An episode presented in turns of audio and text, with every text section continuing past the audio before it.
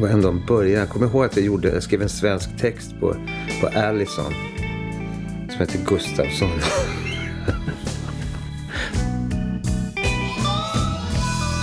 Bastusnack.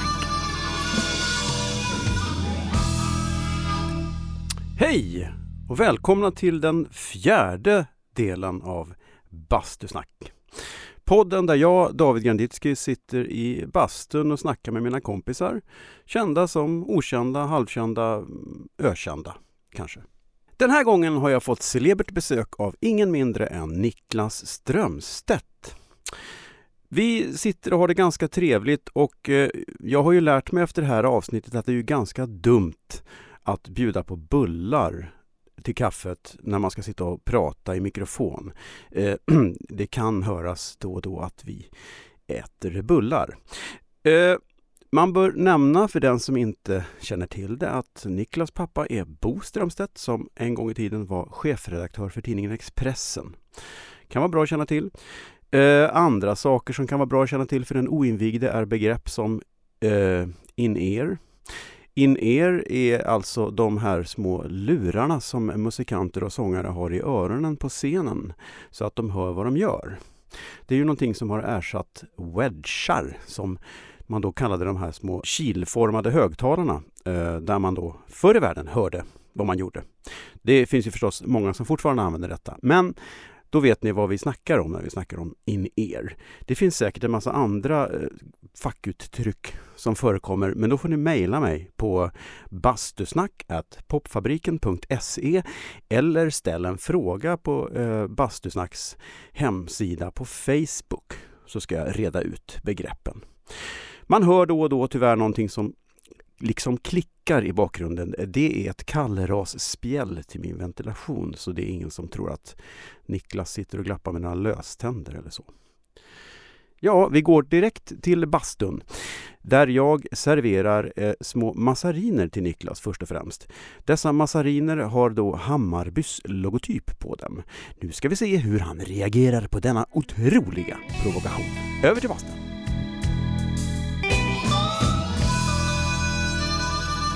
Bastusnack. Jag tänkte jag skulle börja med att provocera dig lite grann. Mm. Ehm. Fast det kanske är, det här kanske är, du finner ett nöje i att massakrera. Inte... En liten sån. De hade inga, De hade inga andra. inga svartvita. Det, de hade bara de... Svartgula du? Svartgula, ja. Ja. förlåt. Du ser, jag är en sån idrot. De hade Djurgården också, så tänkte jag... Nej, det hade är varit- lite- det hade varit värre. Jag vet, det hade varit lite... Fast eh, det är ju en, en... Det här får man ju äta upp. Ja. Derbyförlust i, det mån, i måndags just mot Hammarby. Ja, det var för jävligt. Ja. Ja, men då kanske det är skönt Men- att massakrera. ja, det kan det vara. Har vi, har vi börjat? Ja, vi har börjat. Ja. Vi börjar igen. Vi- Jag hade mygga på mig. Nej. Just. Och du, du, jag har lyssnat på dig ända sedan du gick upp i morse. Ja, precis. Ja. Ja. ja. Så. Nej, men Ja. det var...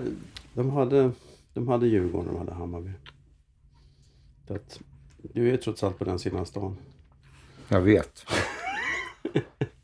Är det jobbigt? Nej. Nej, jag var jävligt sur på måndagen. Kvällen och natten till tisdag så vaknade jag flera gånger. Och var arg på bytena som, som AIK gjorde. Tyckte det var fel. Mm. Mm. Men det har gått över nu. Men nu blev jag påmind igen. Ja. Jag kan ju till din tröst säga att jag tyckte inte den var så himla bra. Att den... Hammarbykakan var inte Nej. den bästa. Ja. De spelar bättre fotboll. Mm. Mm. Jo, nej. Jag tänkte... Så här, jag tänkte på dig. Eh, jag, jag tycker du väldigt ofta... Du är så välklädd. Tycker jag ofta. Ja. Utom möjligtvis kanske någon repetition. Sådär att... Jo men du är alltid väldigt så här väl ekiperad. Är du, är du liksom fåfäng? Är du in- klädintresserad eller? Ja, ja, men jag tror att det kommer med det här jobbet är man lite fåfäng. Mm. Ja. Men vad, nu då? Nu har jag jeans som tröja på mig. Ja, fast är snyggt. ja, nej i och för sig okej. Nej, ja.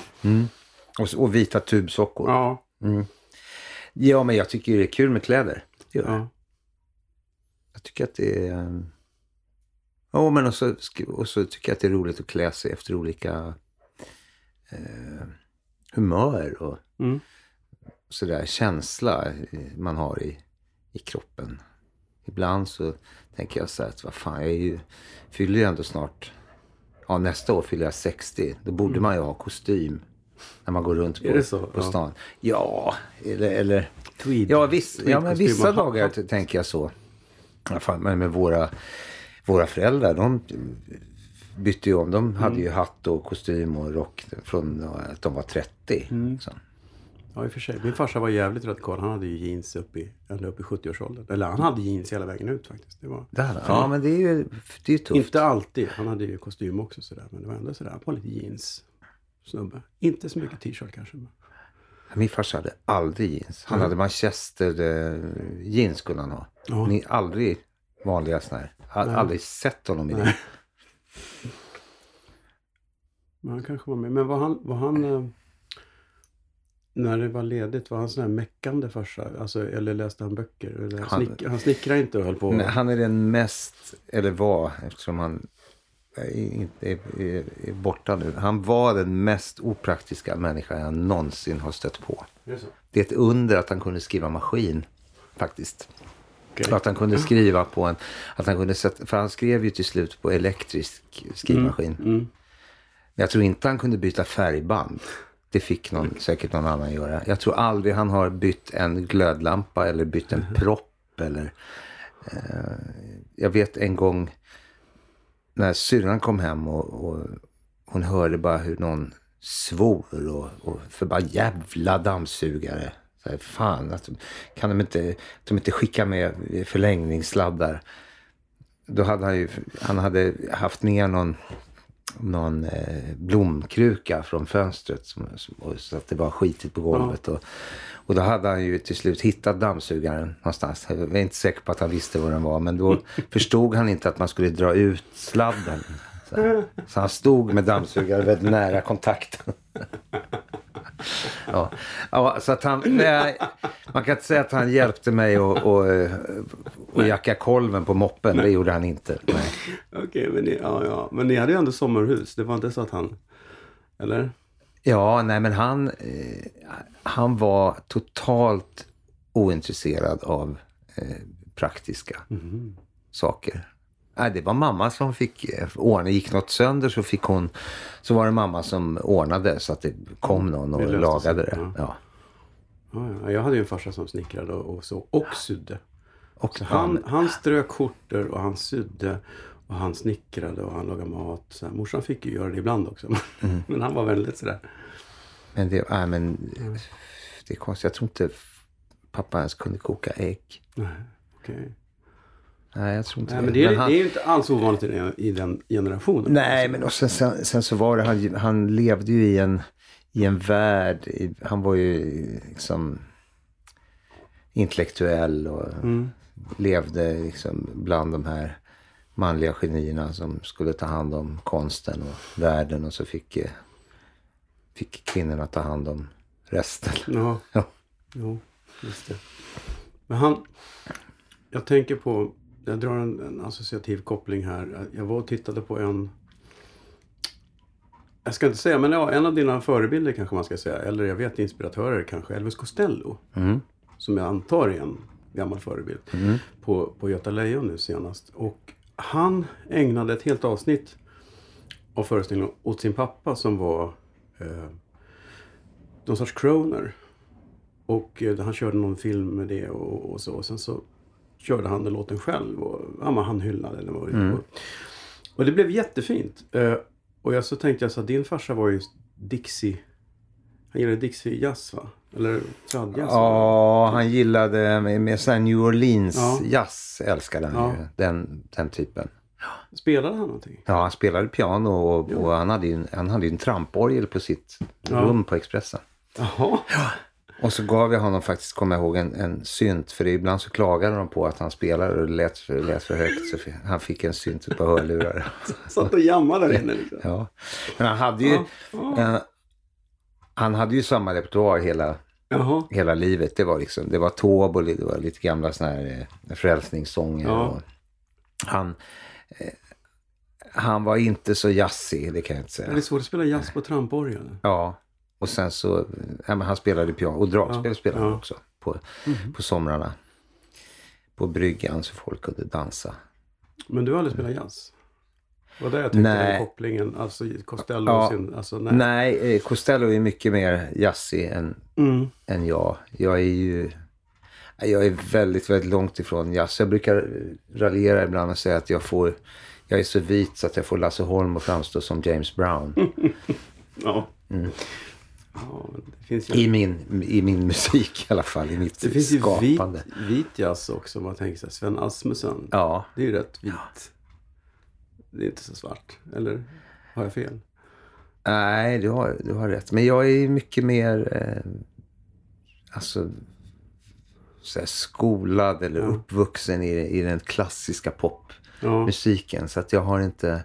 Jag lyssnade aldrig någonsin på, på jazz. Jag var inte intresserad av jazz då. Så att jag har dålig koll på, på Charlie Parker Ja. och, och sådär. Och Miles Davis och sånt. Ja, det, ja, det har jag också. Fast det kan vara bra ändå. Absolut. Jo, jo men det, det finns ju människor som har spelat eh, saker för mig nu när jag har, sen jag har blivit vuxen. Ja. Och jag kan, ju, jag kan ju förstå, jag hör ju att det är bra. Ja. Du, ja, men du är vuxen nu. Ja. Ja, jag måste väl tyvärr ja. erkänna det. Jag tänker, man, om jag lyssnar på framförallt ditt äldre material så hör man tydligare innan du hade, nu har ju du en sån klar, ett klart eget sound.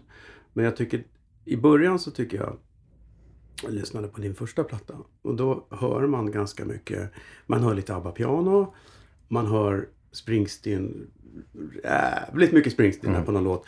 Och det är något intro som är galet Neil Youngigt också. Ja, just det. Eh, och, och så. Men, och där har man dem för, men de här balladerna, de, här, de snällare sångerna, de inte, i- icke rockrökare. Eh, där undrar vad, vad är de för? För där tycker jag du har en egen. Var, var har du, är det liksom... Vem har du lyssnat på där? Eller har du hittat den? Kom det bara? Ja, det tog ganska lång tid. Eh, jag tackar för att du orkade lyssna igenom hela första plattorna. Men det är ju så, är så, jag tror att det är så för de, de flesta att i, i början så, jag sneglade ju väldigt mycket åt olika håll. Men det gör väl alla? Ja, Ja. jag ville ju, eh, jag ville vara, exakt, jag ville vara som, som Springsteen, jag ville vara Rolling Stones, jag ville vara Tom Petty, jag ville vara Mm. Eh, praktiskt taget allting som inte var jag, ville jag vara. Och det tog ganska många år, i alla fall 8-9 år innan jag hittade fram till det som jag tyckte att jag var bra på. Mm. Och framförallt tog det så lång tid att acceptera att, att jag inte var Ja, ja. Ja. Rolling Stones. Nej. Liksom. Eh, men det var nog först eh, med, ja, med, med Förlorad igen och Sista morgonen Mm. och, och sådär som jag hittade en, någon slags något eget uttryck, tycker jag. Där det klickar till, ja. Ja. Ja. Ja, men jag, jag kan hålla med om det när man tänker det. För det enda, det, det närmsta jag tänker på när jag lyssnar på tidiga grejer, det, är- ja, det är möjligtvis att det känns lite Ted Gärdestad någon gång kanske. Men ehm, annars är det... Ja, men han... Det, jag lyssnade jättemycket på Ja. Ted när jag, när jag växte upp. Så att det, är, ja, det är Ted och det var Elton John och det var Jackson Brown och Ja, ganska snäll pop. Beatles naturligtvis är ju på något sätt grunden som allting vilar på. Men eh, ga- ganska melodisk, harmonisk, snäll pop. mm. ja, snä, ja snäll måste det vara. Ja. Eller jag vet inte, snäll men... Men, inte men bara, inte, alltså jag skulle säga, är inte det där någonting som folk har bankat in på dig, att du är så jävla snäll? jo, det, jo, men det kan jag hålla med om. Men det är ju, det är ju inte punkigt liksom. Nej, nej. Det som jag gör. Och det är, jag kunde ju tycka om jag kan ju gilla liksom Rolling Stones mm. och, och, och, Clash och, och, och Bruce Springsteen och, och liksom allt. Men jag behöver inte göra, kunna göra det själv. Nej. Men... Eh, men, oh, det, där, det där är så svårt. Jag vet ju också hur man liksom distar en elgitarr. Det kan jag mm. också göra. Ja. Marieväxeln. Marieväxeln till exempel. Ja. ja, nej men jag bara tänker att när man... Alltså... Det så klistras ofta på etiketter på, på artister, tycker jag. I, mm. I Sverige åtminstone.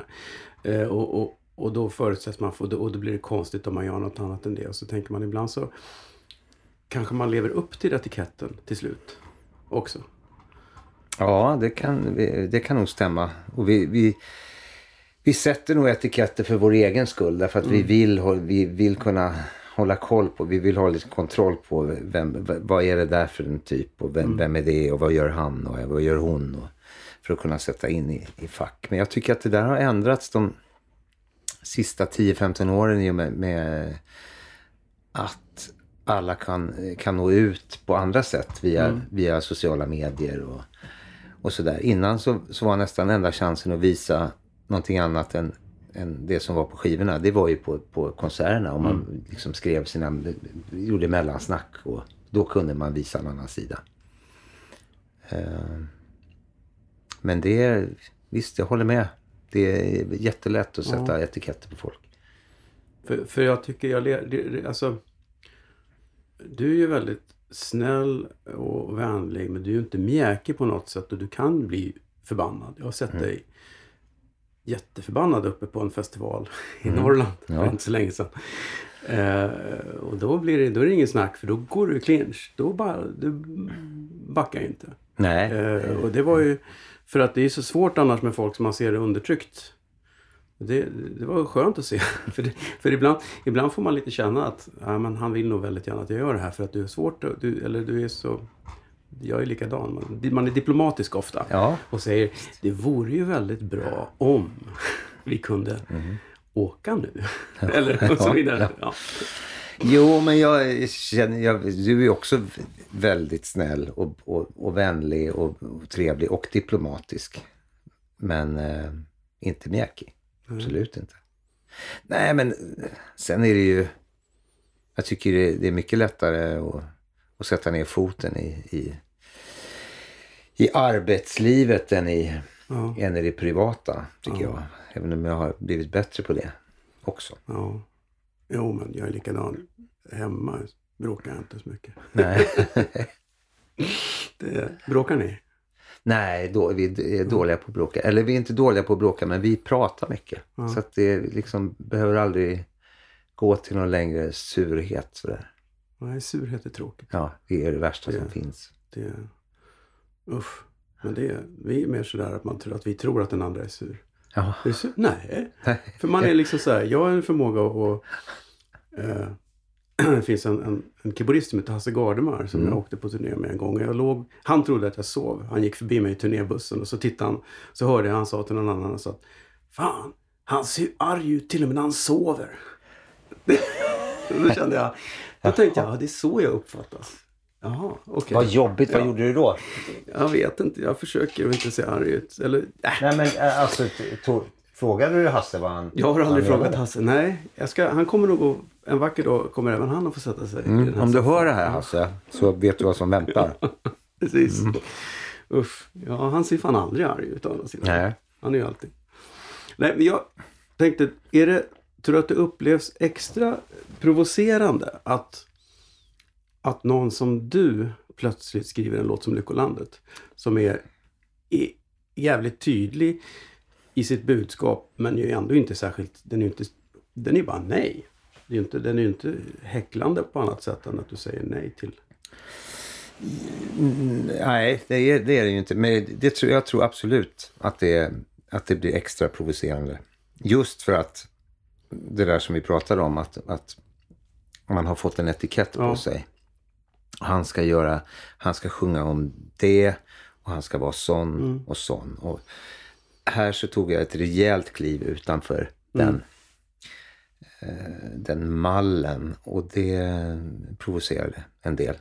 Och gjorde, fast gjorde väldigt, väldigt många fler glada och Ja. överraskade. Ja, för jag tror att, att om, om, om Thåström hade gjort den så hade, då hade det inte hänt någonting tror jag. Nej, eller om Ison och Fille hade gjort Ja, eh, nej. samma sak där på, på, på Så mycket bättre. De säger ju det hela tiden. Men när du säger det så är det, jag tycker också att det var sån eh, det var en viktig symbolhandling för du, du kom från en annan grupp Mm. än de som normalt liksom. Och det tyckte jag. Men, men hade du förväntat dig att det skulle bli sånt jävla liv? Nej, det hade jag inte faktiskt. Jag, tro, jag trodde att det skulle bli lite, lite liv. Eftersom de är så otroligt lättkränkta. Mm. Många. Många är otroligt lättkränkta. Trollen. Ja. Ja. Eh, Så det trodde jag nog. Men inte att det skulle bli sånt liv. Och inte heller att jag skulle få så otroligt mycket kärlek för någonting. För, för jag, jag har aldrig upplevt det någon, någon annan gång. för någonting. Det är klart att det, det är många som har tyckt om olika låtar och, Mm. och sådär. Men det här var... Ja, det här var på ett annat sätt.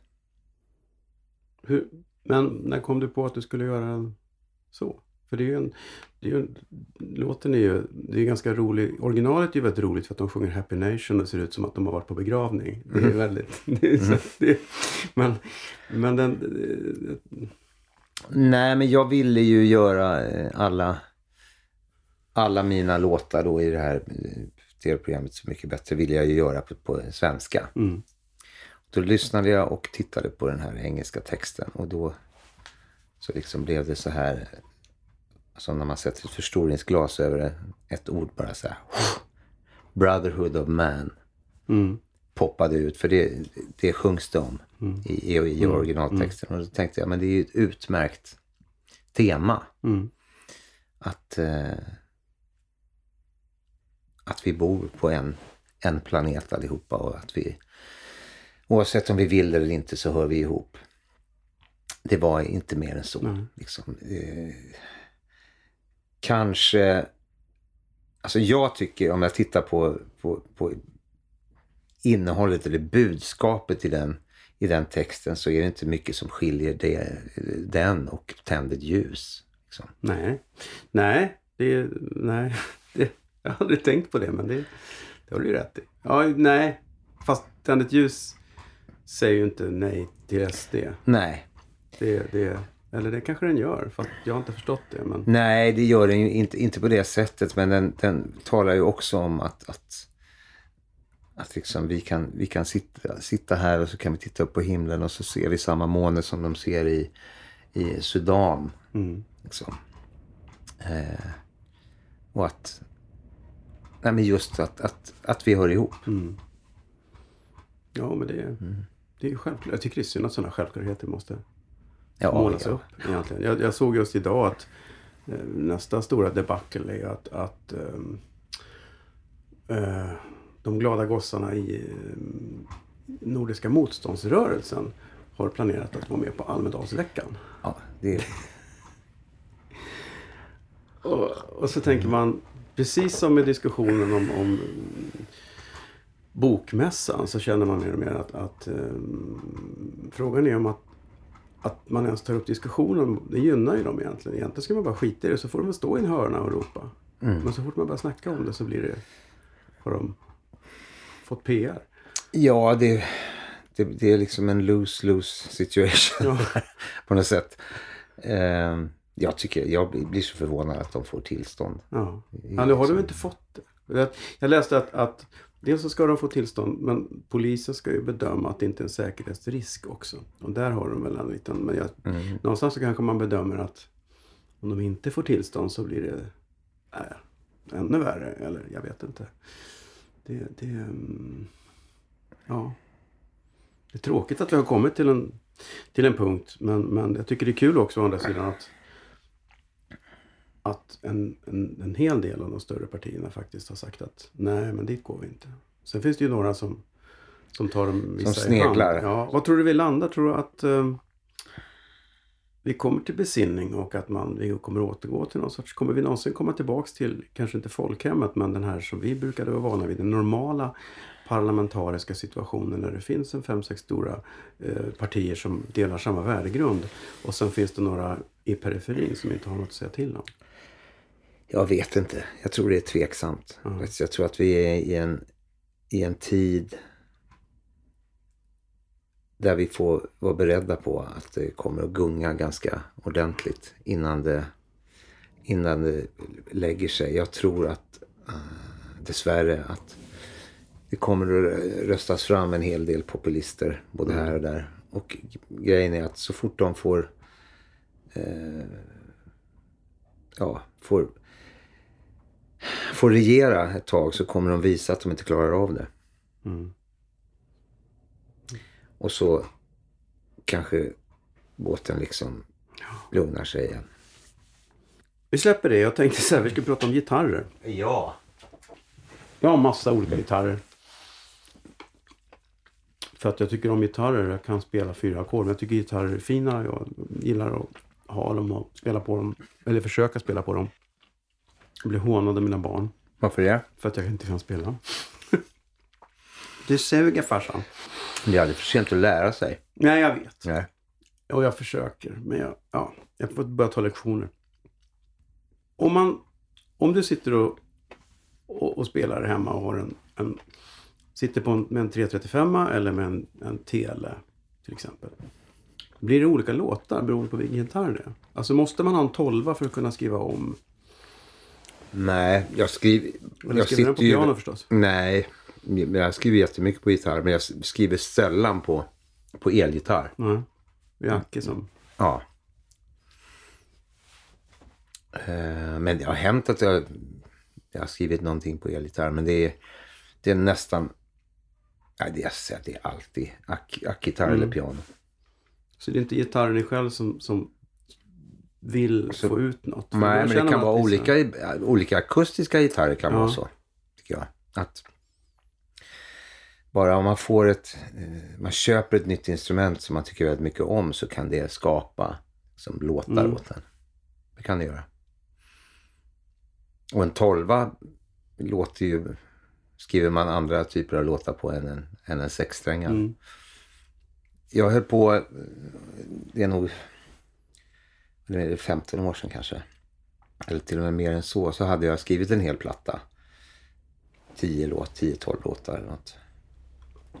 Och så, jag var, jag var väldigt osäker på om det var bra eller inte. Men så kom min A&R ut till min, till min studio och så spelade jag upp det där mina, mina demos som jag hade gjort. Och satt där och liksom frös till, till is. För så fort man spelar något för någon annan så, så känner man om det är bra eller inte. Och det sög ju alltså. Det var, ja, men det var jättedåligt. Och, och jag kände det också. Vad jobbigt. Ja. Mm, ja, men det fanns väl kanske någon, ett par låtar som var okej. Men det, då slängde jag det. Slängde jag alla, alla de låtarna. Och sen så började jag eh, stämma om gitarren.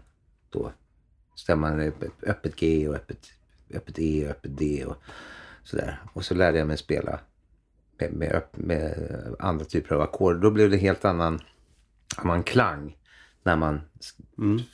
när man spelar. Och då skrev jag hela, skrev jag en ny platta. Så. Kanske till 80 procent med liksom öppna stämningar och, och sådär. Det där skrev, det har Keith Richards pratat om. Mm, ja, han har ju öppen, femsträngat och öppet hit öppet. G utan tjocka Ja. E-strängen. Ja. Mm. För han tyckte att, nej men nu vill jag, nu har jag gjort allt jag kan med de här. Nu vill jag börja med de här. Mm. Eh, Just för att hela tiden fortsätta utvecklas. Men gör du fortfarande så eller har du gått tillbaka till normal stämning? Ja, men nu gör jag både och. Men när du började skriva låtar, skrev du dem på, alltså när du var, hur gammal var du då? 15? Ja, jag är 13 var 13, jag kanske. Ja. 13, 14 någonting. Nej, det skrev jag på gitarr. Men spelade du, hade, du gått eh, kommunala musikskolan då eller gick du, du är självlärd eller? Jag är självlärd. Mhm. På, jag gick en, en eller två trumlektioner gick jag. Ja. Det var de enda. Men sen har jag inte gått några pianolektioner eller gitarrlektioner. Eller sådär. Vi hade piano hemma och så fick jag en gitarr när jag var, fyllde 11 eller 12. Och sen lärde jag mig parallellt, liksom plockade ut låtar och lärde mig spela. Till, till eh, låtar. Men då var det mest, eh, mest gitarr. Mm. Då. Jag var 13. 12, 13, 14. Men var det då, vad var det för typ av låtar? Var det liksom kärlekslåtar? Ja, eller det var nog... rock? Ja. Nej, det var inte... Rock var det inte. Inte, så, inte då så tidigt. Det var väldigt Ted-aktigt Mm. sådär. Det var det. När var första gången som du spelade upp en låt för någon annan då? För det där tror jag är en eh, svår grej för folk. Jättemånga som sitter och skriver låtar själva och som inte vågar spela upp dem och sen så tar de emot det till sig för första Ja. gången. Eh, nej, men det var, jag, fick, jag lärde känna Lasse Lindbom i, mitten av 70-talet och han var en av de första i Sverige tror jag som köpte en sån här Tascam fyrkanalsbandspelare. Och han hade kvar den i sin ungkarlslägenhet i, i Johanneshov. Men han bodde ihop med sin tjej då. Så att, eh, då fick jag, tog jag dit med lite gitarrer och någon bas och mitt Wurlitzer-piano. Och gjorde lite demos. Och det kan ha varit 70... 76, 77 någonting. Och det var väl i den vevan som jag för första gången spelade upp något. Vem var den första? Var det Lasse som fick höra den första eller vem var det som... Nej, det var nog... Det var nog dels min syrra tror jag. Och sen var det Hasse Huss som var... Som jag jobbade ihop med, som var diskjockey på, på Atlantic ihop med mig. Han jobbade ju också, han skrev ju texter åt Mikael Rickfors. Mm. Och sådär. De två var nog de första som fick höra. Och, och det var bra? Eller? Nej, det var väl inte så himla bra, men det var ändå, det var ändå en början. Jag kommer ihåg att jag, gjorde, jag skrev en svensk text på, på Allison. Som heter Gustavsson. som, Hasse, som Hasse tyckte väldigt mycket om faktiskt. Men det var ingen, hört. Den du det, aldrig. nej, det var ingen, det var ingen av de där låtarna som kom ut, tror jag. Nej, som jag gjorde på Nej. fyrkanalsbandspelaren där. Nej, det var det inte. Men de finns kvar. Du kan ju släppa en sån här som Jag tror, att jag har, en demo. ja, jag tror att jag har i, i, något, eh, på, i något förråd så har jag kvar liksom Ja. alla ka- kassetter. Och så. Är... Om det fortfarande finns någon. De har legat där nu i 20, 25 år. Ja, Om det nu finns något var kvar på. Hur är det med tejper? Ja, alltså om de bara ligger torrt och fint så tror jag Mm. de klarar sig eh, och inte nära magneter. Jag har gamla kassettband som jag har från 70-talet. Ja, då kanske, det kanske funkar fortfarande. Ja, jag hittade en, en inspelning från 79 med första gigget med mitt första band i plugget som jag av outgrundlig anledning lyckades spela in på kassett. Och det, det förde jag över till dator. Det, ju, det låter ju för jävligt Mm. verkligen. Ljudkvaliteten är ju inte, men det har ju inte med kassetten i sig att göra. Det har mer med vad som spelades upp och den bandspelaren som vi spelade in Mm. på. Men, men det, det, var en sån här happy tape eller vad de hette. Happy tape, ja. Dolby. Ja, Mm. nej det var inte Dolby, det var bara Happy Tape rakt av. Det kom ju en svensk kassett också, kommer du ihåg den? Den här som, som heter Track. Heter den Track eller något? Jag minns inte. En svart bokstäverna var bildade ordet Track på liksom. Och i A tror jag man såg. Vad fönstret. Mm. Det gick åt helvete för dem. Jag kommer ihåg att jag tror att det till och med slutade med att hon tog livet av sig som alla pengarna var slut. Och det var, var en tjej som drev det där. Oerhört tragisk historia. En parallell. Onödigt vetande. Eh, googla track kassetter. Hörru du, när vi ändå är inne på ämnet. Det har blivit dags för Skämskudden. Herregud vad pinsamt. Skämskudden. Nej, inte den där gamla demon. De flesta, inte alla, har ju saker som de har spelat in någon gång. Eh, åtminstone folk som sysslar med inspelningar och musik. Som man var jävligt stolt över. Och tyckte var, det här är skitbra. Någon gång. Och som man efter några år mer och mer börjar inse att oj, det här var inte så. Har du någon sån skämskudde?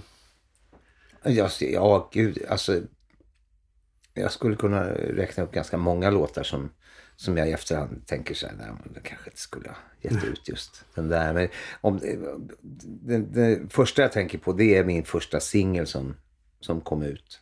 Alltså som kom ut på riktigt. En mycket plågsam sak som heter Jag ringer dig. Mm. Som jag spelade in 1980, tror jag. 79 eller. Jag spelade nog in den 79 och så kom den ut 80. Det jag verkligen försökt. Jag hade lyssnat på, på Oliver's Army med Elvis Costello. Jag ville så gärna att det skulle låta ungefär som den. Fan vad det inte låter som den.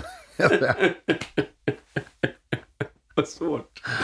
Och Men- sen en, det är en text som är, en text som är så, ja, den är så kass, kass att det mm. Men ändå, Jo, jag, var, jag var eh, här, 21 då eller något sånt. Ja, det var jag. 21. Det går någon, jag kan, vi ska se, jag kan lyssna på den här för att jag av en slump så vet jag att den finns. Ja, den finns på Spotify. Dessvärre.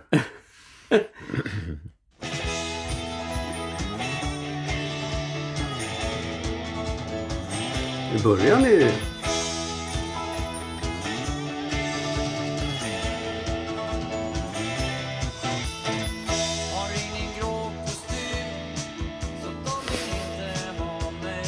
Nu har jag grov det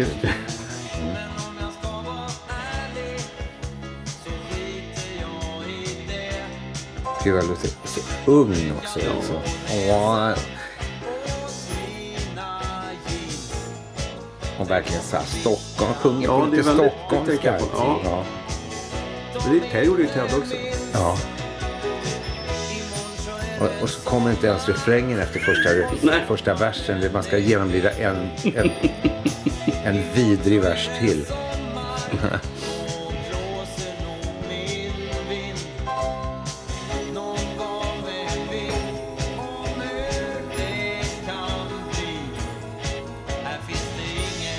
jag var stolt då när jag hade gjort den ändå. Det, det stämmer ju.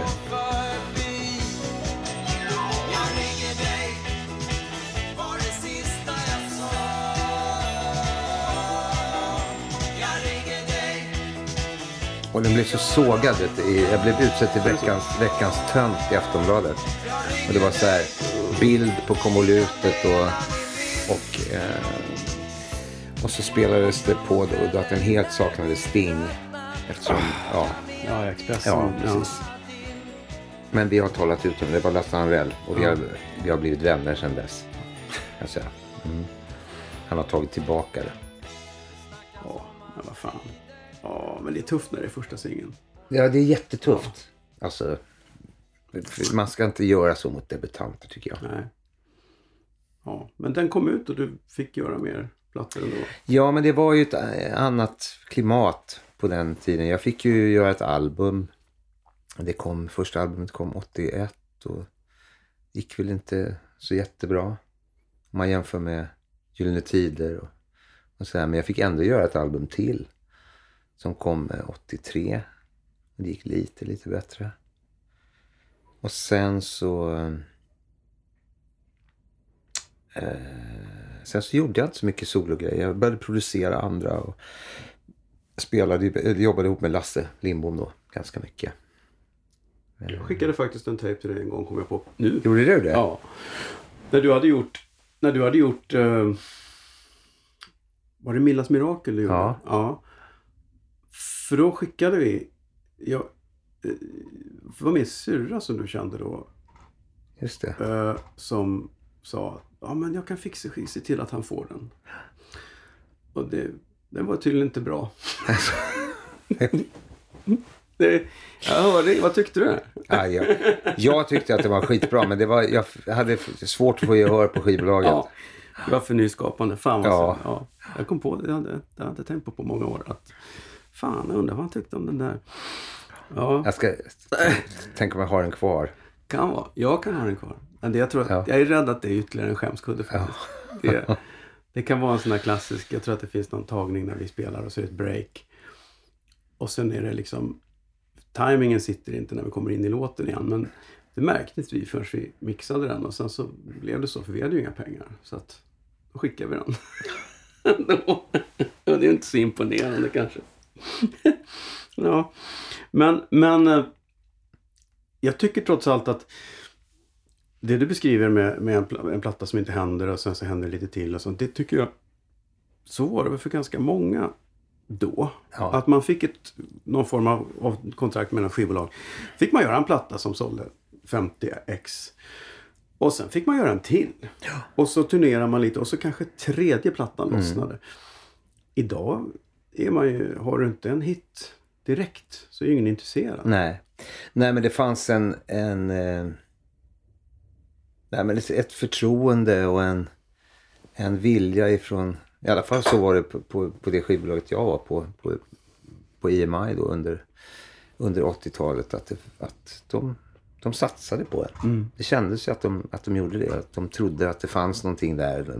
Kanske bort, just Mm. bortom andra plattan kanske det kan hända någonting. Hade du samma producent hela tiden? På de två första plattorna hade jag, eh, hade jag Lasse. Mm. Då, och sen på den tredje plattan. Eh, det dröjde ju, var ju sex år mellan andra och tredje plattan. Då gjorde vi triad och sådär emellan. Och de, de låtarna som jag fick hits med då från den tredje plattan. Det var ju låtar som triad hade ratat. Som de andra inte ville ha med. För att de, Rätt Var för mesiga, ja. liksom. Där fick de, annars Ja. kanske triad hade varit liksom... Ja, men det hade aldrig hänt med triad, tror jag. Det Mm. hade inte, så att jag får vara, vara tacksam över det. Men då började jag producera dem själv. Mm.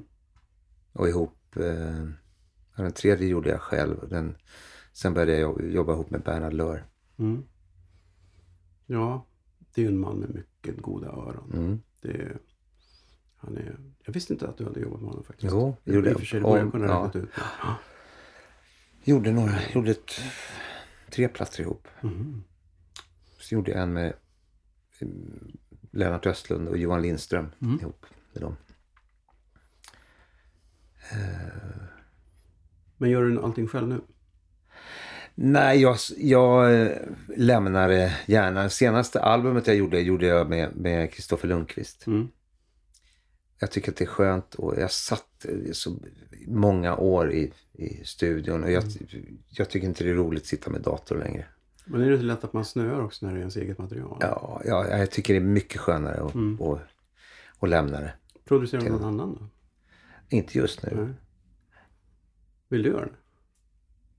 Kanske om det dyker upp eh, något som är rätt. Men, men Någon sen- som vill låta som Costello? ja, eller... Nej, men jag brukar ju... Jag frågar ju min son ganska mycket Mm. nu. Om han hjälper mig att göra demos och sådär. Han, han sitter i... Eller vi delar studion.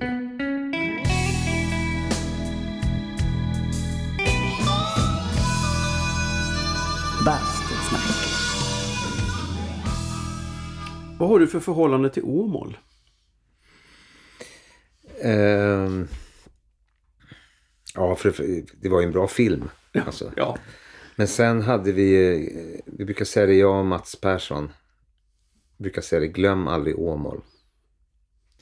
Vi åkte dit. eh, Det här var nog 2009 tror jag.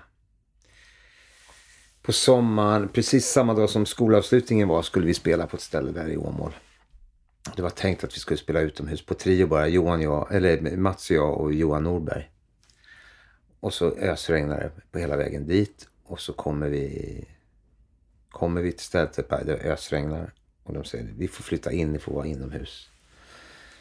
Och så eh, satte vi upp grejerna, så test, testade vi ljudet och sen gick vi åt pizza någonstans. Och så kom vi tillbaka och då hade det kommit kanske åtta personer till. Och sen välde det väl in sex till kanske.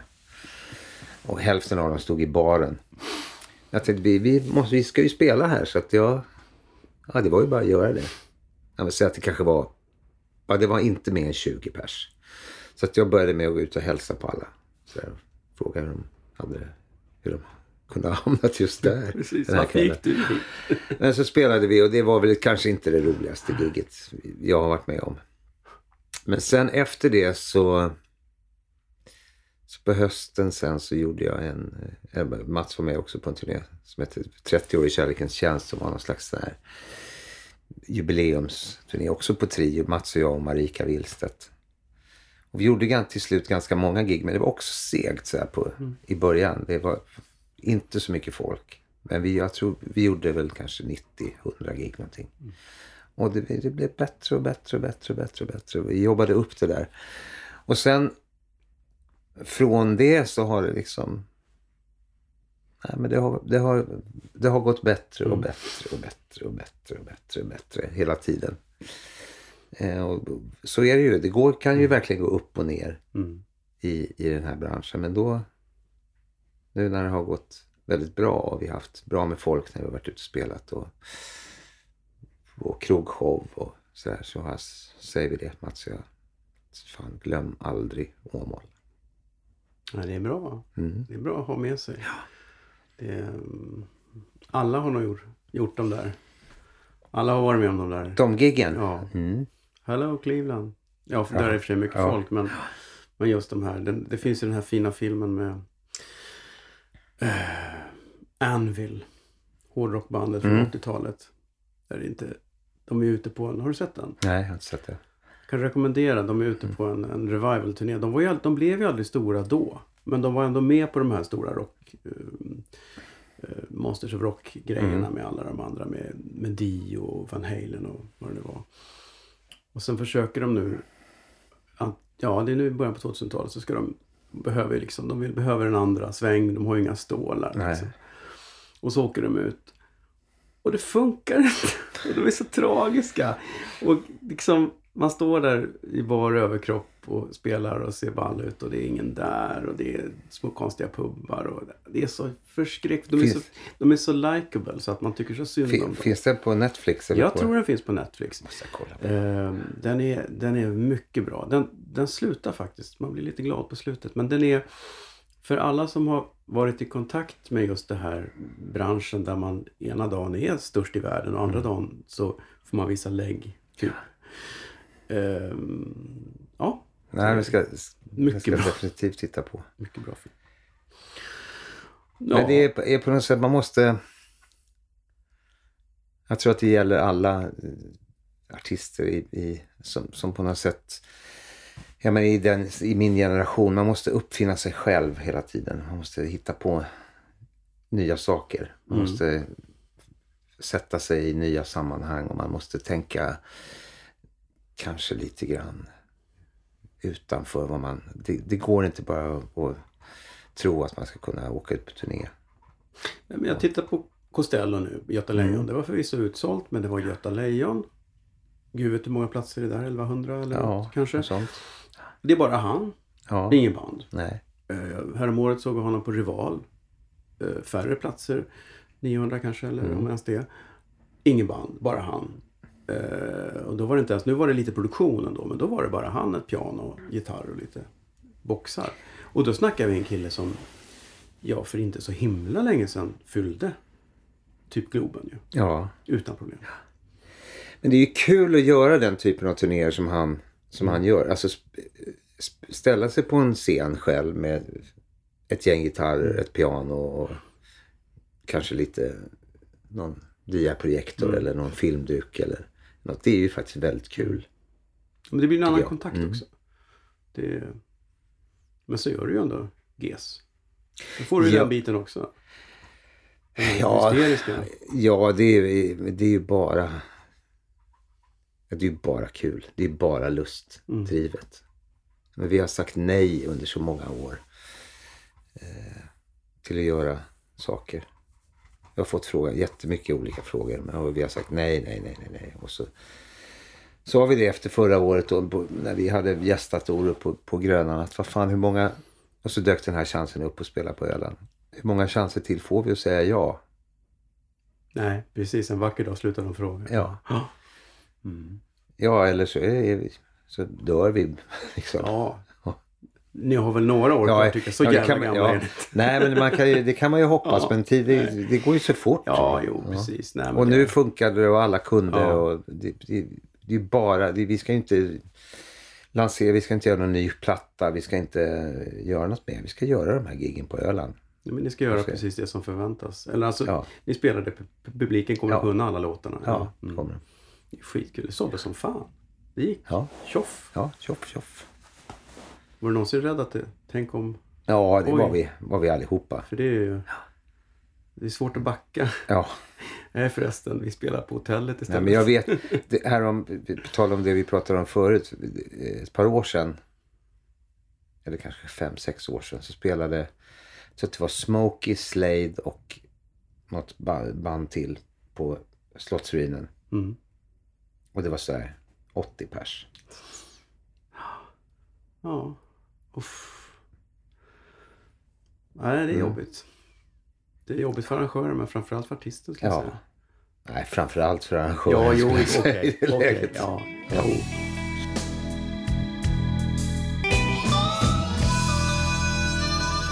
Bastusnack. Fått i mig en hel del av den här Hammarby-kakan. Ja, du ser. fall. Du ser. Det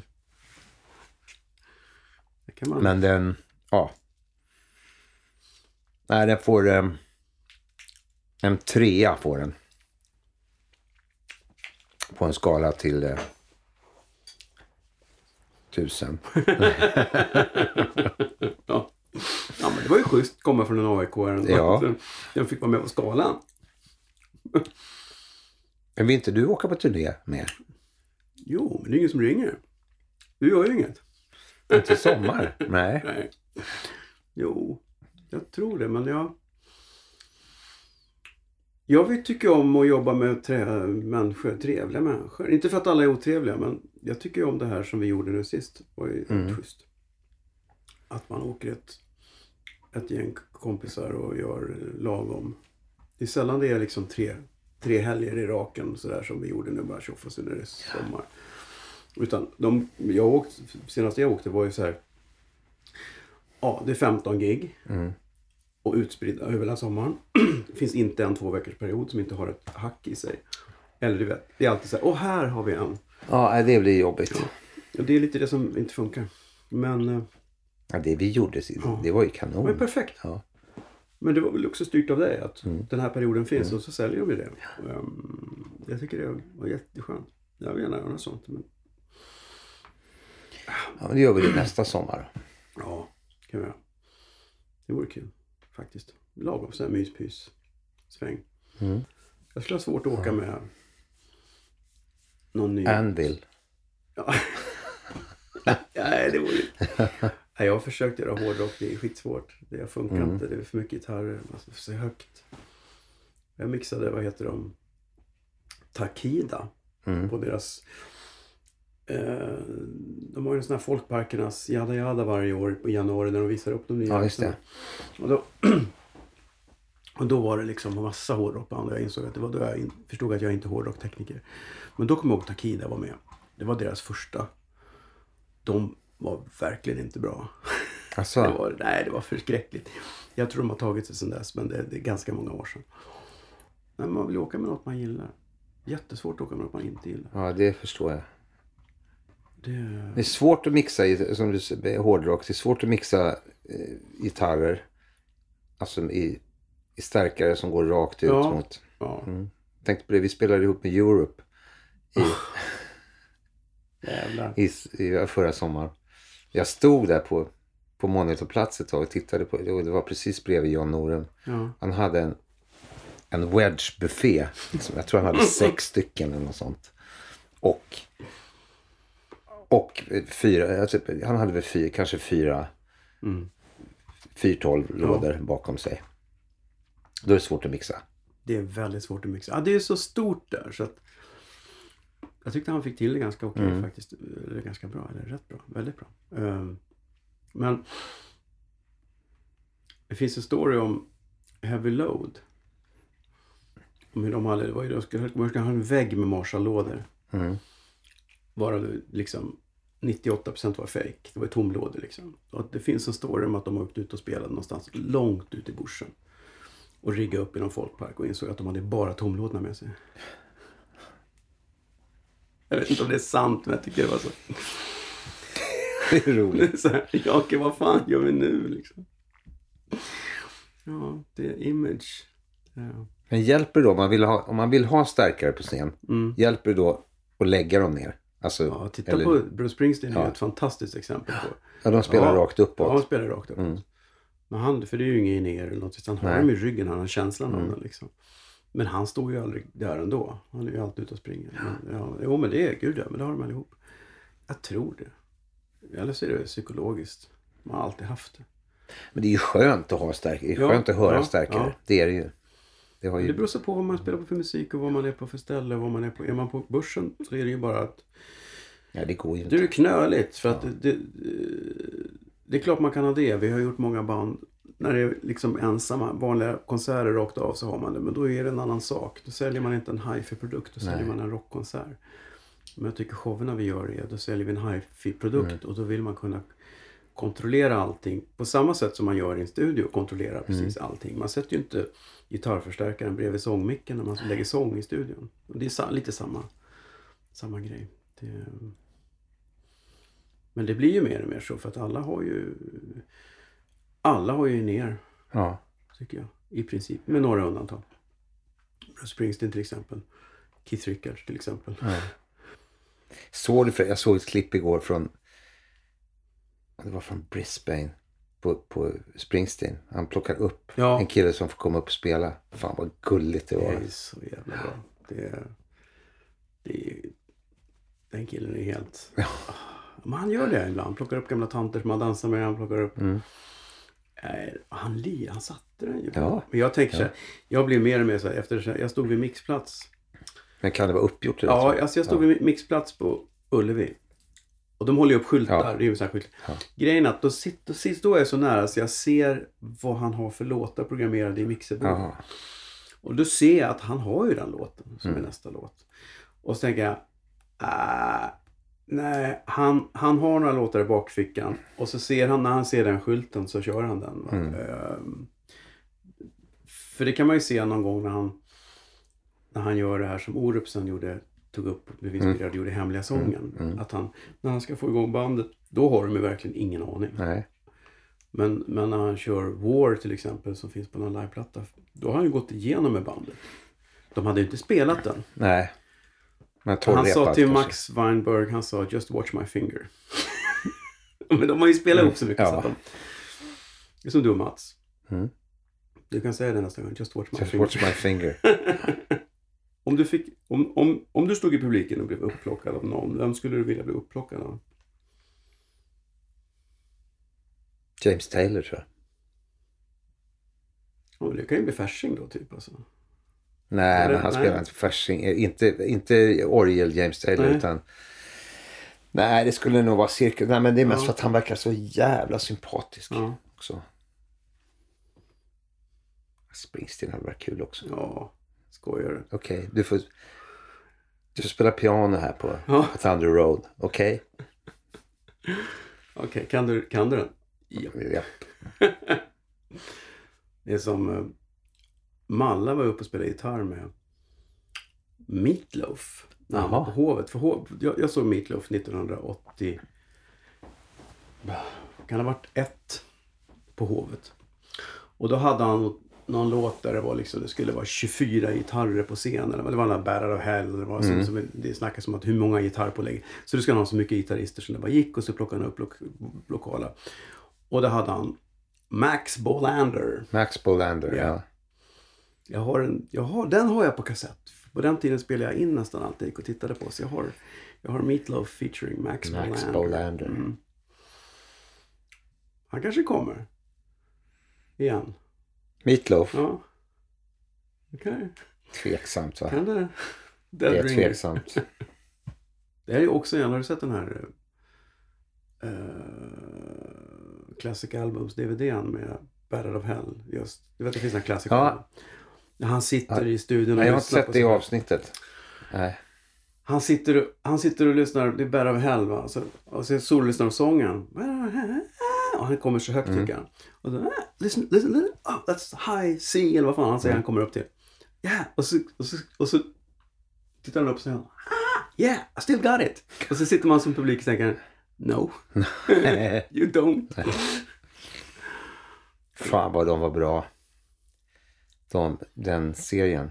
Ja. Ja, finns det? För jag försökte, jag försökte köpa den. Finns den Jag hela serien? Jag har några men jag, ja det tror jag man, det finns nog på um, Ja finns nog finns det på nätet. Men jag tror att det finns på på Youtube typ. Jaså? Ja, Ja, ska jag kolla. Vad heter Jag de? ska- Men, Cla- Classic Albums. Classic Albums, just det. Jo alltså, här finns Joshua Tree, The Make Night at the Opera Queen, Då ska jag, fan, det ska jag Sex kolla. Pistols, Iron Maiden, visst. Jag, hade, jag skulle vilja göra den där, plocka ut åtta svenska album Ja. och göra samma sak. Det skulle vara så jävla kul. De här, skjut inte det bara jag, finns här. På Classic Ja. Albums. Ja. Nej, men tänk att Ja. plocka ut... Eh, ja, nu ska vi inte gå in på det.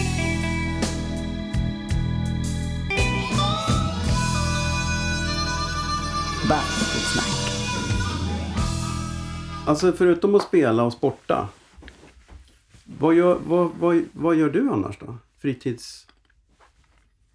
För det tänkte jag, vad tänker jag på Niklas? Tänkte, ja, han sitter hemma och spelar gitarr. Eller han fotar sin katt och lägger ut den på Instagram. Eller håller på med något AIK-relaterat. Nej, men jag är ju... Jag är ute på, i skärgården ganska mycket. Mm. Och jag håller på där. Krattar löv och eldar. Och... Men sen jag spelar ju golf. Ja, Ibland. just det, det gör jag. Mm. Så här, laga mat och... Men jag... eh, Jag är ganska bra på att vara lat också. Så, det blir så konstigt det här jobbet. Man jobbar skitintensivt i, i vissa perioder. Så nej, men jag skriver rätt mycket och så... Eh, jag har nog ganska, ganska bra arbetsveckor har jag haft i alla fall. Eh, Det här, den här sidan eh, nyår. Jag Mm. planerar grejer som jag ska göra framåt. Men du har aldrig funderat på att skriva, skriva, skriva alltså? Inte låtar utan skriva, Skriva en, en, bok, en bok. Eller, eller en arg krönika eller? Lite längre än ja. Instagram. Jo, men jag har väl... Jag går och tänker på det. det Mm. skulle, jag tycker att det är kul att skriva så att det är möjligt att, det, att jag gör det någon gång. Du är ju en, du är ju väldigt verbal och, och har en hand med ord och ja. Jo, men det finns väl, ligger väl i någon gen där Ja. också. Som, jo, men det, det kanske jag gör Ja. någon gång. Det gäller bara att ha ro och göra det. det. Det är lätt att sånt där blir... Ja, men det där ska jag göra. Sen. Mm. Jag tror att det... Ska, ska det bli det, av så måste man avsätta tid. Och, och säga, för det är ingenting man gör på en månad eller två heller. Utan det, man måste säga så här, okej. det här halvåret ska jag ägna Mm. åt det här. Eh, tack för att du ville komma och basta Ja, men det lite var grann. trevligt. Trevligt. Ja. Ja. ja.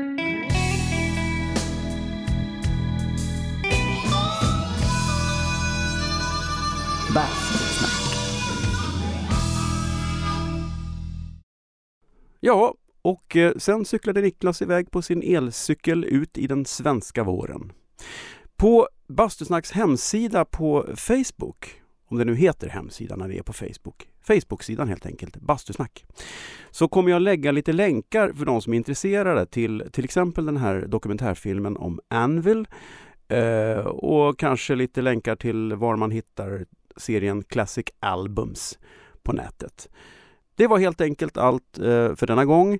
Jag återkommer med en nytt bastusnack om någon vecka eller så.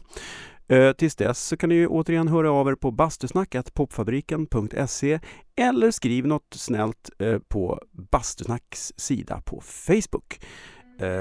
Basta försiktigt. Hej hej!